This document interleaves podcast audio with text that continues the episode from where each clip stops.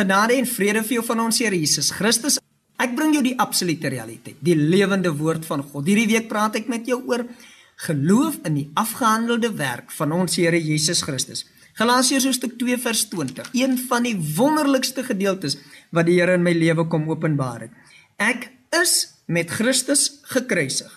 En ek leef nie meer nie, maar Christus leef in my en wat ek nou in die vlees lewe, leef ek deur die geloof in die seun van God wat my liefgehad het en homself vir my gegee het. Wat die meeste mense probeer en ek het opgegroei met hierdie lering, kruisig die vlees, kruisig die vlees, kruisig die vlees. Kom Paulus en hy sê, luister hier, ek is met Christus gekruisig.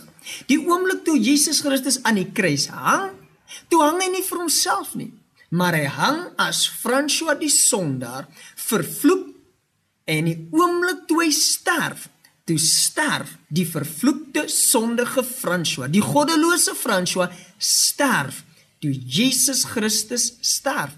Nou kan ek sê ek het nie meer 'n probleem om van die sonde verlos ver, ontslae te word nie want Christus se dood het my kom verlos van die sonde en nou aanvaar ek Jesus se dood as my dood en ek begin in die geloof te verklaar die waarheid omtrent dit wat God vir my kom doen het deur Jesus Christus se dood. Want Jesus se dood was my dood. Hoe gaan ek die verlossing ervaar wanneer ek aanvaar dat Jesus se opstanding ook nou my opstanding is. Want toe Jesus uit die dood uit opstaan toe staan hy nie op met my sonde en jou sonde nie. Nee hy staan op. Hy los die sonde agter. Hy los ons verlede agter en hy staan op verheerlik triomferend 'n nuwe mens. En hierdie nuwe mens word nou jou en my lewe.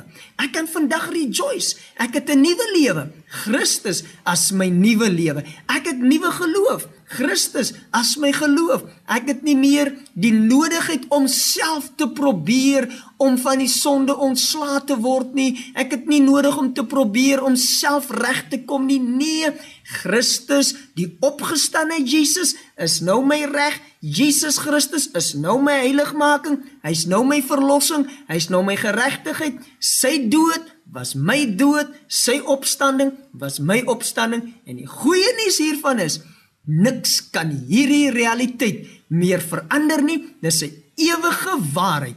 Jy is vry van die sonde.